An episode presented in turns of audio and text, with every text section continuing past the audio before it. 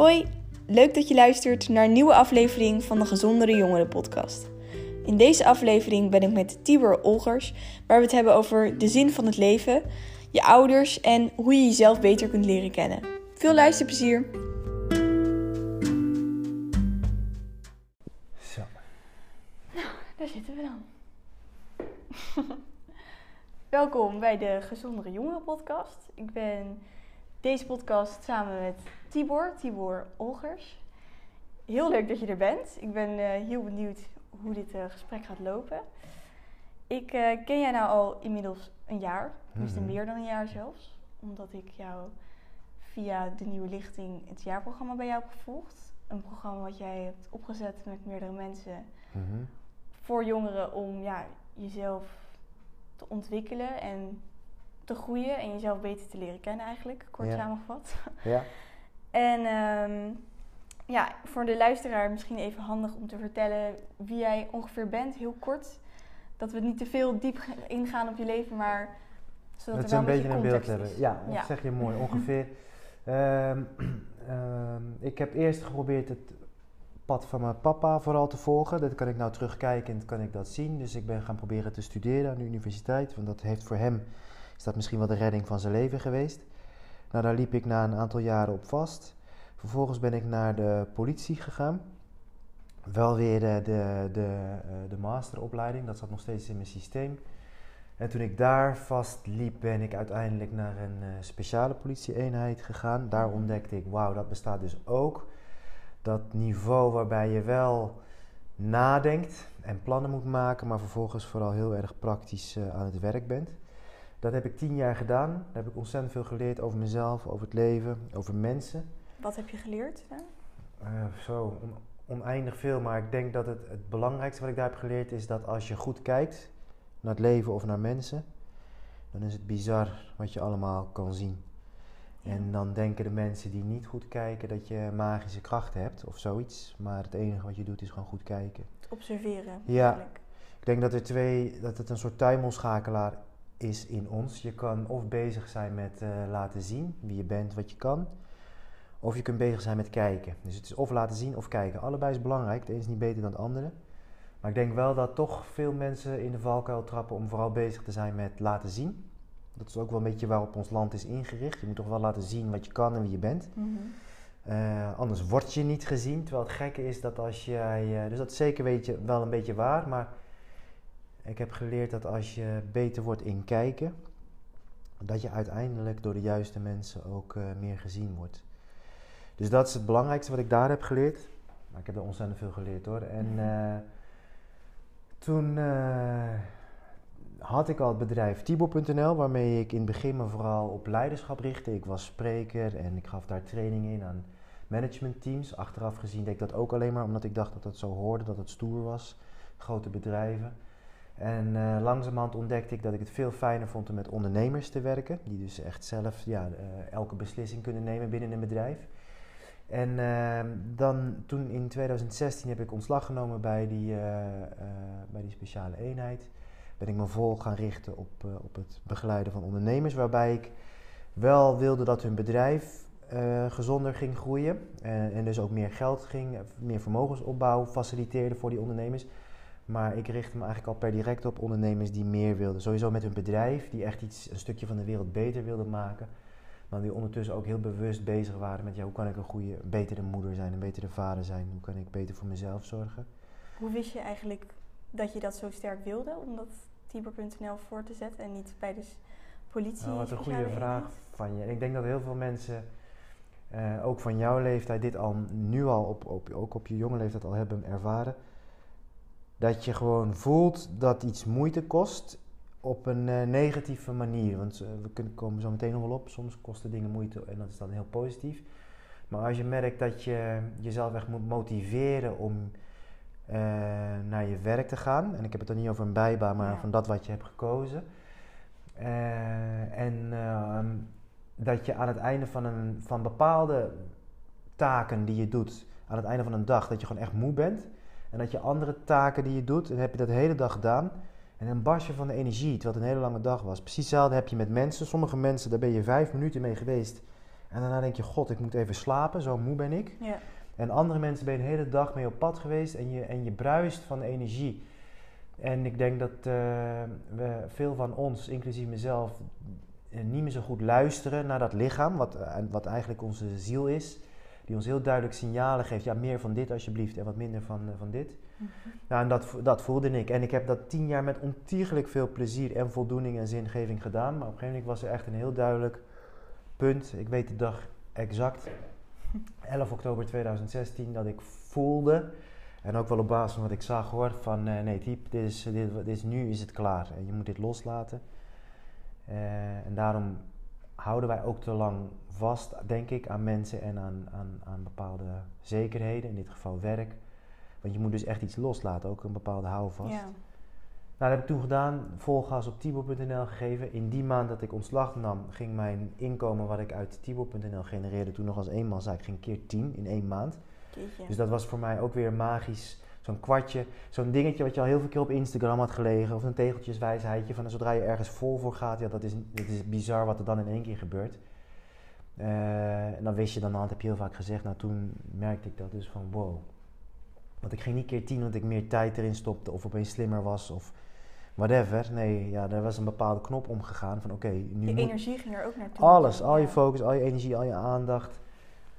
Dus dat is ook goed voor mensen als en ook voor mezelf voor om te beseffen van eh, ja, vaak gaan we 80% voor iets wat we doen, een opleiding, maar bijvoorbeeld ook een relatie waar we dan over zitten te, te mopperen tegen onze vrienden van ja, de relatie loopt niet meer lekker. Jij denkt van ja, ik ga 80% voor de relatie, dus dan heb ik 80% van het resultaat van wat die relatie zou kunnen zijn. Ja, dat is dus niet waar. Als je die laatste 20%, die maakt eigenlijk al het verschil. Als jij 100% voor die relatie zou gaan, ja, dat is niet normaal hoe prachtig die zou worden. Als je 100% nou ja, voor die, als ik hoop ik dat het je passie is, maar als je er echt 100% voor zou gaan, je zou echt springen, je zou echt alles geven wat je te bieden hebt. En eh, als je ergens volledig voor gaat, je pakt het volledig vast, dat betekent dus niet dat je heel erg knijpt, maar eigenlijk dat je jezelf volledig geeft. Ja, het is bizar wat je voor elkaar krijgt. En dat gebeurde ook met Tibor.nl. Dat heb ik vijf, zes jaar lang dus toen echt voluit gedaan. Ik deed het al een aantal jaren daarnaast. En toen, anderhalf jaar geleden, heb ik eh, de nieuwe lichting opgericht. Toen nog, des, en eigenlijk nog steeds onder de vleugels van Tibo.nl, maar toevallig gisteren bij de notaris geweest. wordt echt een aparte BV. Ehm, vanuit een positie waarvan ik merkte, wow, wat heb ik veel. Eh, wat heb ik veel mogen ontvangen van het leven, van God. Het is maar hoe je het bekijkt. Eh, wat, een, wat een rijkdom, wat een mazzel, wat een geluk. Ik heb ook hard gewerkt, maar ik heb ook echt heel veel geluk gehad. Tijdens de coronapandemie, zoals ik hem dan noem, maar daar hoeven we echt niet op in te gaan, zag ik eh, wat voor schadelijk effect het had op de samenleving, maar vooral op jongeren. Dus via een andere stichting spreek ik één keer per week, eh, één dag per week met een, eh, met, eh, met een, een jongen af. En ik zag wat voor, die was toen de pandemie startte, eh, elle- eh, 12 jaar, ging net naar de middelbare school. Hele introverte jongen, eh, best een beetje onzeker. Nou ja, kreeg hij onderwijs via Zoom. Ja, hij, deed gewoon Ja. zijn- hij deed gewoon zijn camera dicht en hij ging gamen. En ik zag hem gewoon wegglijden. Het enige moment dat hij buiten kwam in de week was als, die, als ik hem kwam ophalen. Nou, en dat enerzijds dat wat ik dus zag, wat het aan schade veroorzaakte. En anderzijds de hoop die ik ook in jouw ogen zie, die ik gewoon bij jongeren zie. De hoop, het vertrouwen, de liefde, het vonkje. dacht ik, ja man, dat wil ik versterken. En zo is de nieuwe lichting ontstaan. Dit is een heel lang antwoord op jouw vraag, wie ben je ongeveer? en ik merk ook dat ik in een valkuil trap, dus ik vertel wat ik doe. En daarmee probeer ik duidelijk te maken wie ik ben. In ieder geval een vent Ja. die eh, hard heeft gewerkt, zelf veel eh, heeft gereisd, veel eh, dingen verkeerd heeft gedaan, dingen goed heeft gedaan. En nu op een punt ben ik in mijn leven dat ik vooral bezig ben met doorgeven. En dan is de nieuwe lichting is daarvan wel de kroon op mijn werk tot nu toe. Waarbij ik jouw generatie probeer ja, alles aan te reiken wat ik zelf heel graag op school had al willen leren. Ja, Maar zelf de afgelopen 40 jaar heb moeten ontdekken. Mooi. Nou, je zei het net al zelf een beetje, maar mijn volgende vraag was eigenlijk: wie ben jij maar dan zonder je leven erbij? Hoe zou je dat kunnen formuleren? Dat is ook wel een vraag wat je vaak hebt gesteld bij de nieuwe lichting. Van Ja, wie ben je ja, als ziel, als mens? ja. Welke woorden zou je daar dan aan kunnen koppelen? Prachtige vragen stel je, Tos. Ja, daar kan je voor jezelf op verschillende niveaus antwoord op geven. Ja. Als ik hem plat sla, dan eh, ben, je een- ben ik, net als jij, een zak water die eh, zichzelf verhaaltjes vertelt. Ja. Als je gewoon eh, feitelijk ernaar kijkt, zijn we dat. We zijn gewoon een zak water die verhaaltjes vertelt. En, en dan ga je dood en daarna weet helemaal niemand meer wie je bent. Dus je kan er maar beter voor kiezen om dat verhaal, de verhaaltjes die je vertelt aan jezelf en aan anderen, dat het verhaaltjes zijn waar jij zelf en anderen beter van worden. Dus dat is mijn eerste antwoord. Ik ben een zak water die verhaaltjes aan zichzelf vertelt en voor de rest ben ik helemaal eh, een nobody Eh, en doe ik er niet toe. Dan, en als ik dan een niveautje hoger ga, dus oké, welk verhaaltje vertel ik dan eh, over mezelf? En met verhaaltje vertellen bedoel je De eigenlijk stem, in wat je, je zelf de, stem, de stem in je ja. kop. Dus enerzijds wat je tegen jezelf vertelt. En anderzijds wat je dus ook uitspreekt. Nou ja, nu vertel ik ook een verhaaltje aan jou. Hè, of aan de mensen die het geduld hebben om hiernaar te luisteren. Maar dus dat is wel misschien de eerste les die ik zou willen meegeven. Van eh, ja, je bent die zak water die verhaaltjes vertelt. Als jij daar nooit bewust van bent geweest. Van dat je zelf continu verhaaltjes eh, aan jezelf zit te vertellen. Maar dat ook dat wat je naar buiten uit is ook gewoon een verhaal. En dat de kwaliteit van het verhaal bepaalt de kwaliteit van je ervaring.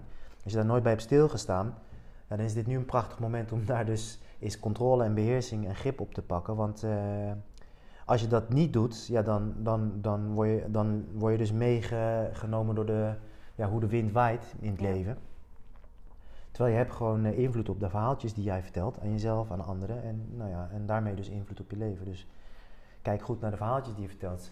In, in het verhaal wat je nu vertelt aan jezelf, ben je een slachtoffer, ben je een leider, eh, ben, je, ben je boos, ben je bang, weet je wel. Ja, zou je een ander verhaal kunnen vertellen. Als je met anderen praat, voelen zij zich daarna, nadat jij jouw verhaal hebt gedaan met hun, voelen zij zich sterker of zwakker, voelen ze zich geïnspireerd of verveeld. Je. Ja, wees je bewust van die verhaaltjes.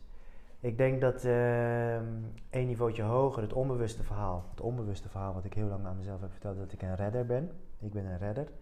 Dus ik zoek mensen ehm, waar, die ik kan redden. Dus het leven, de wereld is niet rond, hij is niet plat. Het is één grote drama-driehoek. Op de drama-driehoek heb je drie posities. Je kan de redder zijn, je kan het slachtoffer zijn of je kan de aanklager zijn. Dus de aanklager, daar ah, zag je de afgelopen drie jaar heel veel van. van dat is de vijand en het WEF en Klaus Schwab. En, en in principe heb je ook gewoon gelijk als aanklager. Alleen ja, het enige resultaat wat je kunt krijgen als je op een van die drie posities van de drama-driehoek zit, redder, aanklager of slachtoffer, is drama. Dus als aanklager, ja, je bent geïrriteerd, je bent boos en je hebt gelijk, ja, nou en. Als slachtoffer, ja, en ik kan er niks aan doen. En de gasprijzen en de overheid en eh, nou, misschien wederom met WEF of, eh, of die wappies, zou ook kunnen, weet je wel. Ja, misschien heb je hartstikke gelijk.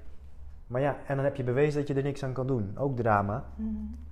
En de redder, ik, eh, nou, dan ben je dus de hele dag bij je kaart aan het werk om, om mensen te redden. Nou, voor wie ben je interessant dan, als redder bijvoorbeeld, in dit specifieke geval? Voor slachtoffers. Dus dat, is de, dat zijn de mensen die je omheen verzamelt, dus drama. Dus dat was op één niveau hoger, dat was het verhaal wat ik onbewust vertelde. En als ik dan weer een niveau hoger of dieper ga kijken, dan eh, ben ik nu een vent die eh, in ieder geval daar bewust van is zichzelf probeert te helen, uit de drama driehoek probeert te stappen en nogmaals,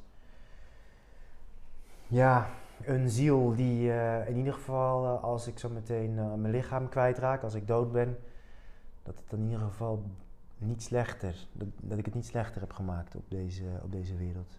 Mooi. Nou, En denk je bij- die drama-driehoek dat iedereen eigenlijk één rol in- inneemt? Of is dat per situaties, kan je een andere rol innemen? Of, allebei is waar, dus je hebt per definitie heb je een voorkeur. Dus je bent of je hebt een voorkeur voor redden wat je aantrekt in het leven eigenlijk een beetje? Nou ja, dat hebben je, je heeft je jeugd wel- heeft dat voor jou bepaald. Een beetje, of nou een beetje, behoorlijk. Dus als jij, jij hebt gewoon geleerd als kind, oh, als ik mezelf als slachtoffer gedraag, dan krijg ik liefde. Of als ik mezelf als aanklaar, als ik boos word, krijg ik liefde. Of als ik red, dan krijg ik liefde. Je hebt gewoon geleerd op een van die onbewust niveau, een van die drie, dan krijg ik liefde. En dan klopt het helemaal wat je zegt. Dus je hebt die primaire voorkeur en dan per situatie kan dat natuurlijk verschuiven. Dat zie je ook wel bij mensen. Maar je hebt allemaal hebben we een, een, een primair kopingsmechanisme. En er zijn natuurlijk allerlei vertakkingen van redder kunnen zijn en allerlei vertakkingen van slachtoffer en allerlei vertakkingen van aanklager. En puur door naar jezelf te kijken, uh, ja, ben je, te zijn tegen jezelf. Ja, te zoeken naar, uh, naar de waarheid over jezelf, ook al zou je hem nooit helemaal vinden, maar puur door ernaar te zoeken, uh, leef je in ieder geval niet in een leugen. Ja. En hoe zou jij um, het doel van het leven kunnen formuleren? Want ik vind dat wel iets waar ik dan soms wel afvraag. Dat ik denk van waarom, waarom leven we nou eigenlijk? Ik ben ja. één niertje van deze hele aardbol. Ja. Wat heeft het eigenlijk allemaal voor zin? Ja, prachtige vraag stel je, Tos. Ja, dus ook die kan ik weer zeg maar, het platte antwoord geven. Het, het leven is zinloos. Dus daarom bestaat ook het woord zingeving. Je moet, er zelf, je moet zelf dus verhaaltjes aan jezelf gaan vertellen. dus het antwoord op deze vraag is weer een verhaaltje. Mhm. Een verhaal zou kunnen zijn, nou, het heeft helemaal geen zin. Nou ja, dat, dat, daar word je niet, en misschien is dat wel waar, weet je wel? Ik bedoel, ehm, maar ja, dan uh, kan je net zo goed hier van het dak afspringen. Dus laten we een ander verhaal uh, kiezen. En dan zeg ik, oké, het doel van het leven is uh, voluit leven. Je bent hier maar een flits in dit lichaam en, en, en ja, met deze ziel. Dus ja, alle liefde die je in je hebt, ontdek, ontdek die liefde, heel die liefde en uit die liefde. Alle creativiteit die je in je hebt, alsjeblieft deel het met, met de mensen. Um, op dit niveau zou je dus een verhaaltje kunnen vertellen. Wat ik graag vertel aan mezelf en aan anderen is dat ik geloof dat elk van ons, jij, ik, we hebben allemaal een roeping. Dus het leven, God, roept jou op een andere manier dan dat ik word geroepen. Hè? En zoals ik jou heb leren kennen Jij bent uh, een gevoel, jij, jij werkt in gevoelens, ik werk in plaatjes. Dus ik ga snel, jij gaat wat trager, want jij moet het zien. Jij moet de stem horen, jij moet voelen wat het met je doet. Daarna moet je de woorden aangeven, dan komt het eruit. Ik zie iets en ik probeer met mijn woorden de plaatjes bij te houden. Uh, jij, uh, jij hebt een andere, jij hebt daarbij, dus dat jij op een andere manier werkt, heb jij een andere roeping ook dan ik. En ik denk dat het heel belangrijk is dat we alle, dat je Helemaal als je jong bent. Je krijgt allerlei signaaltjes de hele tijd. En je voelt het in je leven wanneer je uh, luistert. Wanneer je doet wat, uh, als je voldoet aan je roeping, zeg maar. Want dan gaat alles soepel. Je werkt wel hard, maar het klopt. De mensen die je ontmoet voelen goed. De dingen die je doet, het voelt goed. En je merkt het ook soms dat, dat, dat je dingen doet, weet ik veel, een opleiding, je had allemaal goede cijfers en iedereen zegt, wel wat goed. En het voelt gewoon niet goed. Mm Blijkbaar is dat dus niet jouw roeping. Dus een verhaaltje wat we, hè, het doel van het leven is voluit leven. Nou, wanneer leef je dan voluit? Ik denk dus als je op een gegeven moment je roeping door hebt, en dat is waarschijnlijk niet op je twintigste, uh, en je voldoet, je geeft antwoord. En hoe geef je antwoord aan je roeping? Met, met je werk, met je creatie, met dat, wat je, met dat wat je doet. En alles uiten. Dus die vergeving, een aantal mensen die nu zitten te luisteren, zijn boos op hun ouders, op, op die ene vriendin die ze heeft genaaid of whatever. En die vergeving die je echt in je hebt, uh, ja, die moet je uitspreken. Die liefde voor je vader, die je nooit, ook omdat hij koppig is, betekent niet dat jij dat ook moet zijn. Pap, ik hou van je. Uit die woorden. Want hij gaat dood, jij gaat dood. En er is niks zo zuur dat als jij zo meteen op je sterfbed ligt, je vader is er al lang niet meer, en jij hebt die woorden nooit uitgesproken. Dat boek wat je had moeten schrijven, dat heb je nooit geschreven. Die, crea die creatie, jouw bedoeling, jouw roeping, dat, heb, dat zit allemaal nog in je en dan ga je dood. Dus het doel van het leven is dat voorkomen. Is uh, zorgen dat je voluit hebt geleefd, alles eruit. Delen wat je denkt, uiten wat je voelt. Je, je handelingen in lijn brengen met je roeping. Zodat als die dag komt dat je voelt, ook oh, ga vandaag sterven, dat je gewoon kan lachen. Glimlachen. Van ja, maar het is helemaal oké, want ik, heb, ik ben leeg. Ik heb alles gegeven. Mhm. Dus ik denk dat dat de bedoeling is van het leven. Dat dat een antwoord is op je vraag, uh, een verhaaltje. Wat leuk is en wat ook zin heeft. Inderdaad. En je zei net al over je ouders, dat die eigenlijk nou, zo'n beetje wel een groot deel van je leven invloeden. Zeker weten. En er komt wel een moment bij heel veel mensen dat je dan denkt van... shit, oh, dit zijn mijn ouders en ik ben er boos op, op een of andere reden. Mhm. Hoe kan je daar het beste mee omgaan? Om, moet je er dan vol tegenin gaan? Ga je er van weg? Of... Ja, dus wat wij allemaal te doen hebben, wat onze ouders te doen hebben, is ons loslaten. En wat wij te doen hebben, is de navelstreng, de metaforische navelstreng met onze ouders door te knippen. Heel concreet, ik adviseer iedereen om uh, systeemwerk te doen, om een, uh, om een uh, familieopstelling te doen. Dat kan op heel veel verschillende manieren. Dat kan één op één en dan leggen ze papiertjes op de grond. Bij een familieopstelling wordt eigenlijk jouw. kijk, Wij geloven allemaal wel dat, uh, laat ik heel simpel beginnen, dat als jij kinderen krijgt, dat, die, dat jij die kinderen beïnvloedt. Dat geloven we allemaal. Al, al iets lastiger vinden we het om te beseffen dat dat dus ook voor jou en je ouders heeft gegeld. Dus dat, dingen die jij, dat, dat, dat je ouders dingen aan jou hebben doorgegeven. Goede dingen, maar ook hun trauma's. Heel simpel gezegd, alles dat je niet heelt, geef je door aan je volgende generatie. Dus alle trauma's die je ouders niet hebben geheeld, die zij van hun ouders hebben door, of in hun jeugd hebben doormaakt, die hebben ze doorgegeven aan ons. En dat uitzicht bij ons dus in de drama-driehoek bijvoorbeeld. En nog op, nogmaals op verschillende manieren. Ehm, maar uh, misschien maak je je wel te, veel te groot. Neem je veel te veel hoop je voor, uh, praat je veel te veel. Of juist het tegenovergestelde. Maak je jezelf veel te klein. Misschien wel iets wat een valkuil voor jou zou kunnen zijn. Dat je veel meer jezelf uh, mag laten zien. Dus jij kijkt Mhm. heel goed, maar dat je meer mag laten zien. Nou ja, ehm, en als je dat dus niet heelt, geef je dat door aan je, aan je kids. Dus ik adviseer iedereen, doe eens een systeemopstelling. Dan wordt visueel gemaakt uit jouw hoofd, uit je ziel, uit je lichaam, wordt jouw hele familieopstelling tot aan generaties die al niet meer leven, wordt visueel neergezet. Dus je ziet je opa, je ziet je oom, je ziet zijn vader, je ziet dat daar ooit eh, zelfmoord is gepleegd. Of dat die eh, zijn hele leven lang werk heeft gedaan wat hij niet leuk vindt. Dat zie je. En dan zie je, en dan zie je waar jij staat.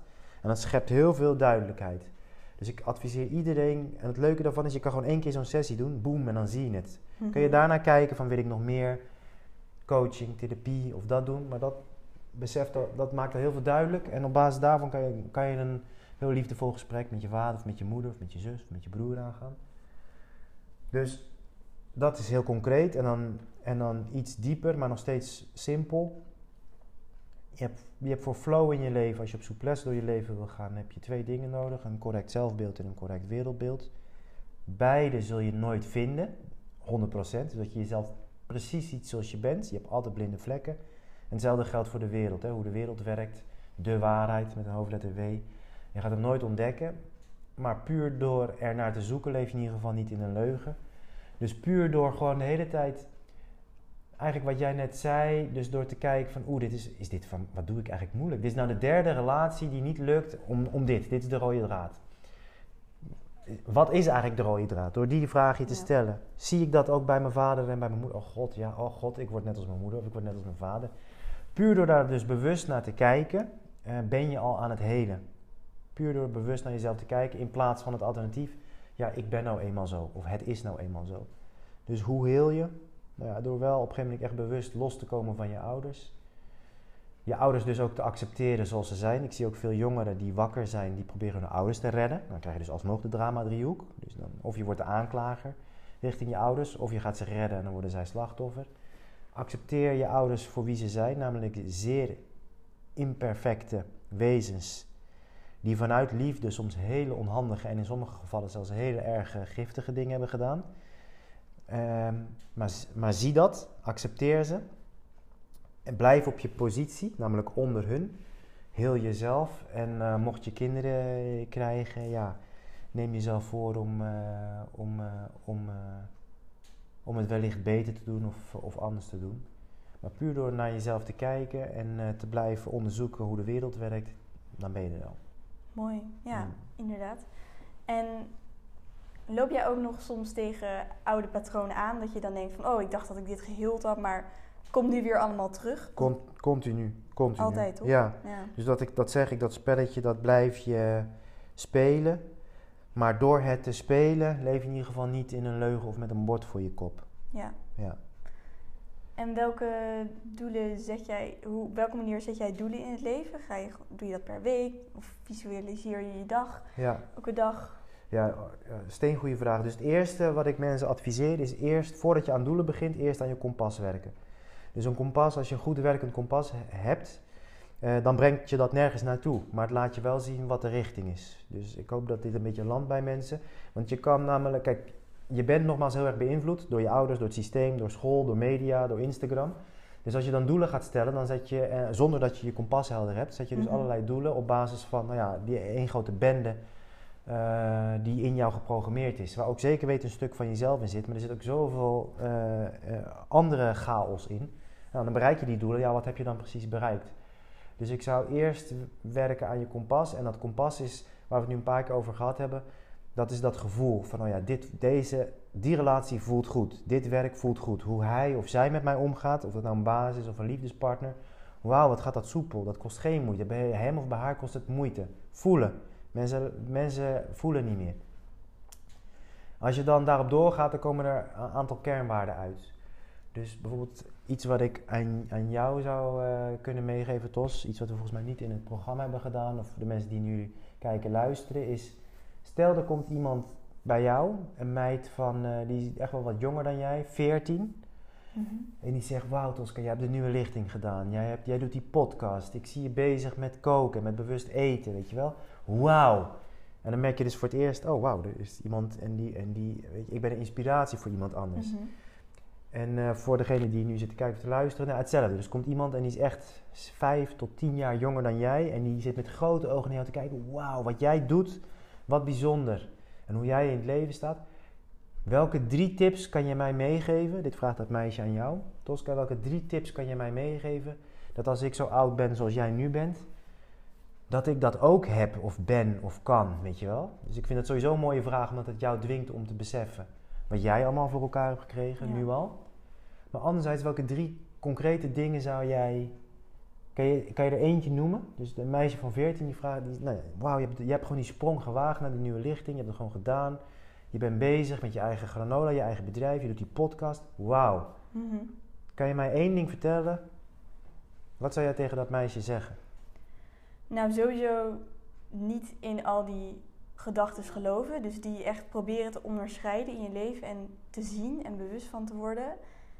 En dan kijken wat voelt goed voor mij en daarna Ja, luisteren. prachtig. Dus herken de verschillende verhaaltjes. Ja.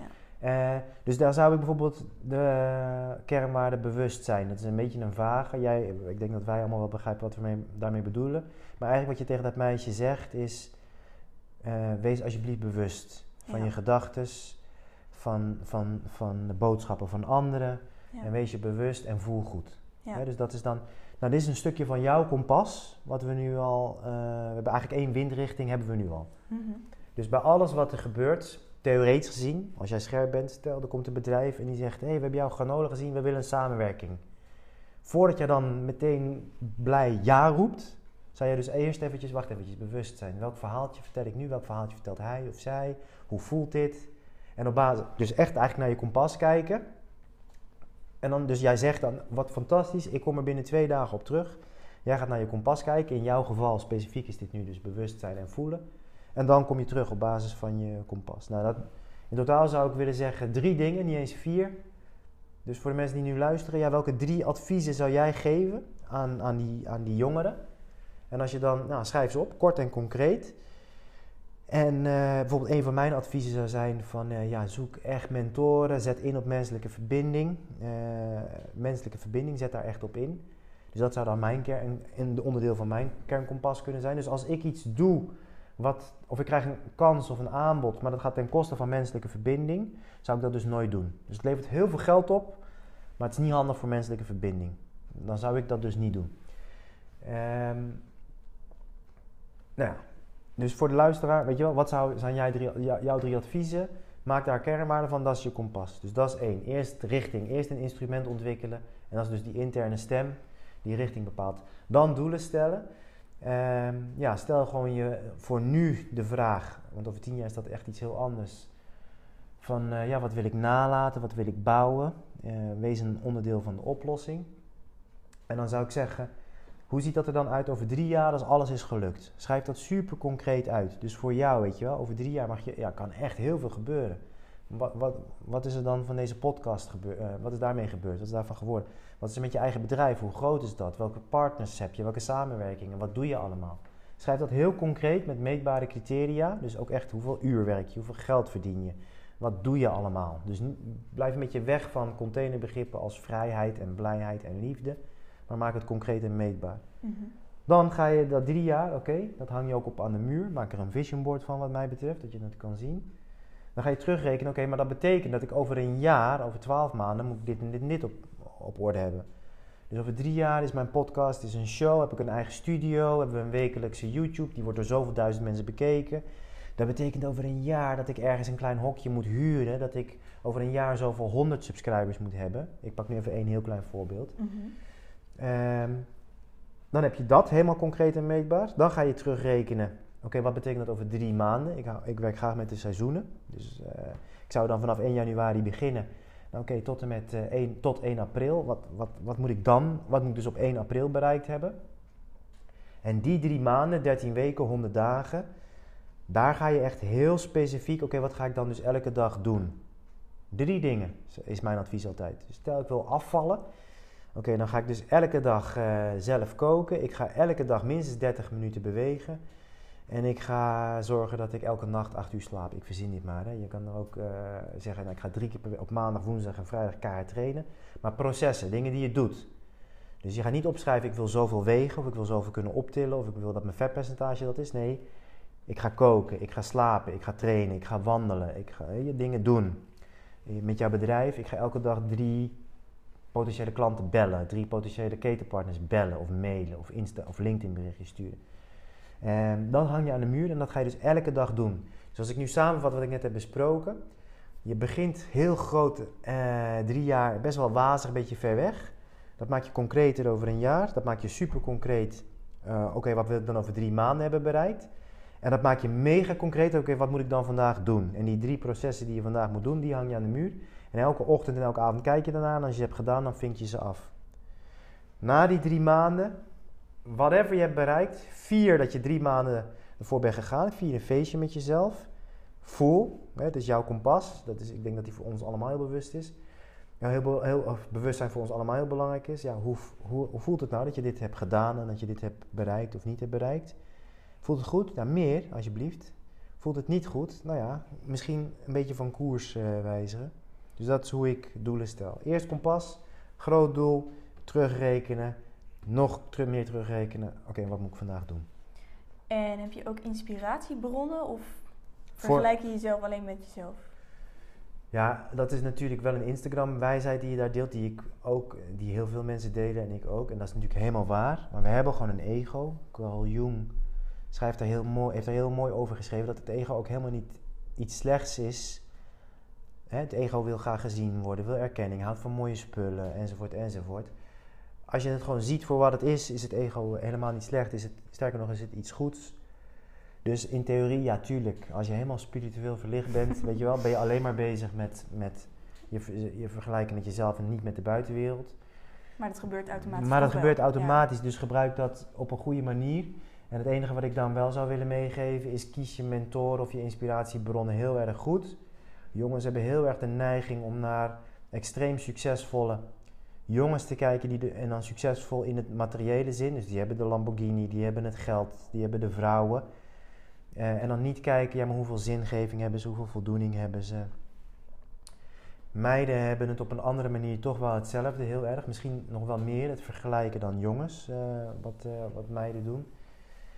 Dus kijk heel goed met wie je vergelijkt. Vergelijk je alsjeblieft met iemand die ja, met zin in de dag opstaat, met een voldaan gevoel gaat slapen, die wat bijdraagt aan het grotere geheel, die niet alleen maar met ik bezig is, maar ook probeert bij te dragen. En dan is het denk ik heel erg krachtig om je te laten inspireren Ja, door anderen. mooi. En hoe zie jij eigenlijk de toekomst voor je in deze wereld? Nou, daar heb jij onbewust samen met natuurlijk de andere meiden en jongens van Nieuwe Lichting echt wel een, een kentering ingebracht. Ik zag hem echt eh, donker in, maar dat kwam misschien omdat ik zelf wel echt donker was in die periode. Tegelijkertijd, en daar, daar hebben jullie met, al- als kids van de Nieuwe Lichting, jullie hebben echt mij aangestoken met jullie licht, wel. En, ehm, en met mij hebben jullie meerdere mensen aangestoken met jullie licht. Ik zie nog steeds wel de duisternis. Dus ik zie gewoon een, eh, een agenda, een systeem wat eh, één ding wil, controle. En dat ontzettend slim eh, doet. Door geld te beheersen, door energie te beheersen en door voeding te beheersen. En door eigenlijk gezondheid. En gezondheid met twee hele dikke aanhalingstekens.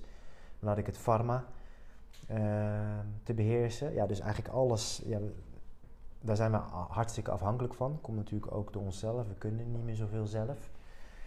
Ehm, en transport trouwens ook, zijn ze nu ook steeds meer aan het beheersen. Dus dat is de duisternis die ik zie. En eh, de pandemie heeft uh, nou, QR-codes en toegang tot transport, het uitgaansleven eigenlijk normaal gemaakt voor een hele grote groep mensen. Ja, de overheid bepaalt dat je met kerstmis twee mensen mag ontvangen of drie mensen. De overheid bepaalt dat je nu wel mag vliegen of niet. Dat je wel uit eten mag of niet. Of, eh, ik moest buiten zitten die drie jaar. Nou, zo meteen gaat de overheid. Hè, dus, en nou komt het klimaat daarbij. En het vervelende is, heel veel is waar. Dus bijvoorbeeld de, eh, ziekte corona is echt. Alleen dan alles wat erachter zit, ja, daar zie ik dus een boel duister, duistere krachten. Dus zometeen bepaalt de overheid nou ja, of je mag autorijden of niet, of je een stukje vlees mag eten of vis of niet, uh, nou, enzovoort, enzovoort. Dus die duisternis zie ik nog steeds. Tegelijkertijd kies ik voor het verhaal, dus ik blijf daarop terugkomen. Ik kies voor het verhaal dat we op een kantelpunt staan in de geschiedenis. Dat jouw generatie echt daar een sleutelrol in speelt. Jouw generatie die wakker is, die hoopvol is, die nog heel veel vertrouwen heeft, die gewoon licht is, letterlijk nog. Jullie hebben minder shit. Jullie krijgen wel heel veel shit van mijn generatie op jullie bordje doorgeven, maar jullie hebben zelf nog minder duisternis. Uh, gewoon puur door je leeftijd minder gekregen, met uitzonderingen daar gelaten. En ik denk dat als er is tegelijkertijd, er is niet meer duisternis bijgekomen afgelopen drie jaar. Door jullie licht is er heel veel duisternis zichtbaar geworden. En wat er zich in de duisternis afspeelde, want dit speelde natuurlijk al honderden jaren af, die die kleine elite die uh, bepaalt wat er voor ons massa zeg maar, uh, mogelijk is. Alleen door jullie licht is uh, zichtbaar geworden wat daar zich afspeelt. Dus ik zie de toekomst mede door nou, de nieuwe lichting, mede door mensen zoals Isaac Kriens, mede door mensen zoals Tisha Boy J, die met positiviteit en humor onderdeel proberen te zijn van de oplossing. Zie ik de toekomst heel erg goed tegemoet denk ik dat het echt nog wel de komende paar jaren donkerder gaat worden. Voordat het lichter weer gaat worden. Dus dat meer mensen moeten wakker worden voor die agenda die er wordt uitgerold. Dat als jij continu maar een stuk vrijheid en soevereiniteit inlevert in ruil voor comfort, dat is eigenlijk wat er gebeurt, dat, dat, dat, dat je dus langzaam maar zeker je eigen gevangenis aan het bouwen bent. Nou, heel veel mensen kunnen nu een energierekening niet meer betalen. Terwijl wij in Nederland dus uh, een gasvoorziening hebben in de Noordzee, ik heb het niet eens over Groningen, die voldoende is voor half Europa. In Nederland is makkelijk. Dat is verboden voor, voor Nederlandse burgers, dat gas. Dat wordt dus aan de hele wereld doorverkocht. Ik pak maar eventjes één stom ding eruit. Um, wij mogen geen gas, gas van, uh, van Rusland importeren. Dus Rusland verkoopt dat aan China. Wij verkopen ons eigen gas aan, aan de rest van de wereld. En wij kopen dan dat gas van China, wat dus uiteindelijk gewoon uit Rusland komt, voor vijf keer de, de inkoopprijs waarvoor Rusland het heeft gekocht, uh, kopen wij weer in. Met als gevolg dat Jan Modaal zijn energierekening niet kan betalen. Ik noem nu maar eventjes één dingetje. Ik kan in mhm. pharma zoiets, ik kan in de voedingsindustrie zoiets uitkiezen in Nederland. Als ik je vertel hoe de boeren nu langzaam maar zeker, of langzaam maar zeker, in rap tempo kapot worden gemaakt in Nederland.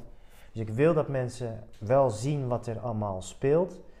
Maar vervolgens niet gaan wijzen hoe alles kloot is. Een, een valkuil waar ik ook ben ingetrapt. Maar oké, laten we onderdeel zijn van de oplossing. Laten we, laten we zelf dan corporatie starten. Laten we zelf zorgen dat we in ieder geval niet door ons eigen toedoen afhankelijk worden voor pharma of voor nou, enzovoort enzovoort. Ons tot onze oren, over onze oren in de schulden steken om leuke spulletjes te kopen. Dat we afhankelijk worden van de financiële wereld. Mhm. Dus uh, sorry voor mijn lange antwoorden, maar ik zie de toekomst rooskleurig tegemoet. Maar ik zie wel dat we echt nog een, door een stuk duisternis moeten. Zodat meer mensen pijn gaan krijgen. Zodat meer mensen hun rekeningen niet kunnen betalen. Zodat meer mensen onrecht wordt aangedaan. En uh, daardoor wakker worden uh, door die pijn. En uh, vervolgens niet boos gaan lopen wijzen. Oh, ik, ik, zie nu alles. Nee, ga je shit regelen en doe dat in verbinding. Laten we samen iets moois creëren. Ja, helemaal eens. En als laatste vraag waar eigenlijk deze hele podcast over hmm. gaat. Maar wat zou je de jonge generatie willen meegeven? Wat ik jou zou willen meegeven is, uh, je bent uh, onderdeel van de oplossing. En die oplossing is een hele puzzel van allemaal puzzelstukjes. En jij bent daarvan een puzzelstukje, maar jij, bent daarvan dus ook een puzzelstukje als luisteraar. En als jij je plek dus niet inneemt, dan is dus die puzzel niet compleet. En die puzzel bestaat dus uit alle puzzelstukjes die op dit moment leven. Hè? Dus jouw generatie die is nu levend. Elk van, eh, van jullie eh, heeft een bedoeling, heeft een roeping. Het is je bedoeling om te ontdekken wat je roeping is. Dus wat is je plek? Waar, waar, wat is jouw plek? Ben jij in, uh, moet jij zingen? Moet je muziek maken? Moet je schrijven? Moet je koken? Moet je, weet ik veel, weet je wel. We hebben allemaal een plek. Dus ontdek je plek. Hoe doe je dat? Door voluit te leven en goed te luisteren naar de signalen. Maar vervolgens neem ook je plek in. En dat zeg ik misschien weer tegen jou persoonlijk, maar zo zijn er voor jou heel veel. Ik denk dat jij nu heel erg bij je plek zit. Maar neem hem in, durf hem helemaal. Weet je? Want volgens mij ben je dat ook wel aan het doen hoor. Maar het is natuurlijk zonde als dat puzzelstukje boven de juiste plek hangt. Maar hij gaat er niet in, weet je wel. Mhm. En ook dat vind ik weer mooi aan die metafoor van de puzzel. Erin betekent dus dat je verbinding aangaat met de puzzelstukjes om je heen. Dus niet alleen. Dus wat is mijn boodschap aan, uh, aan de jongeren? Uh, nou, ten eerste, masculine energie. Of je nou een jongen of een meisje bent, maar regel je fucking shit. Dus word fit. Zorg dat je dus niet door je eigen toedoen in de tentakels komt van, van pharma. Doordat je je door de voedingsindustrie hebt laten verleiden door je vol te trappen met ellende. Door, de, door big tech hebt te laten verleiden om de hele dag alleen maar te scrollen en, en, uh, en stil te zitten. Dus train met het kadaver van je, bouw een sterk lijf. Verdiep je in voeding.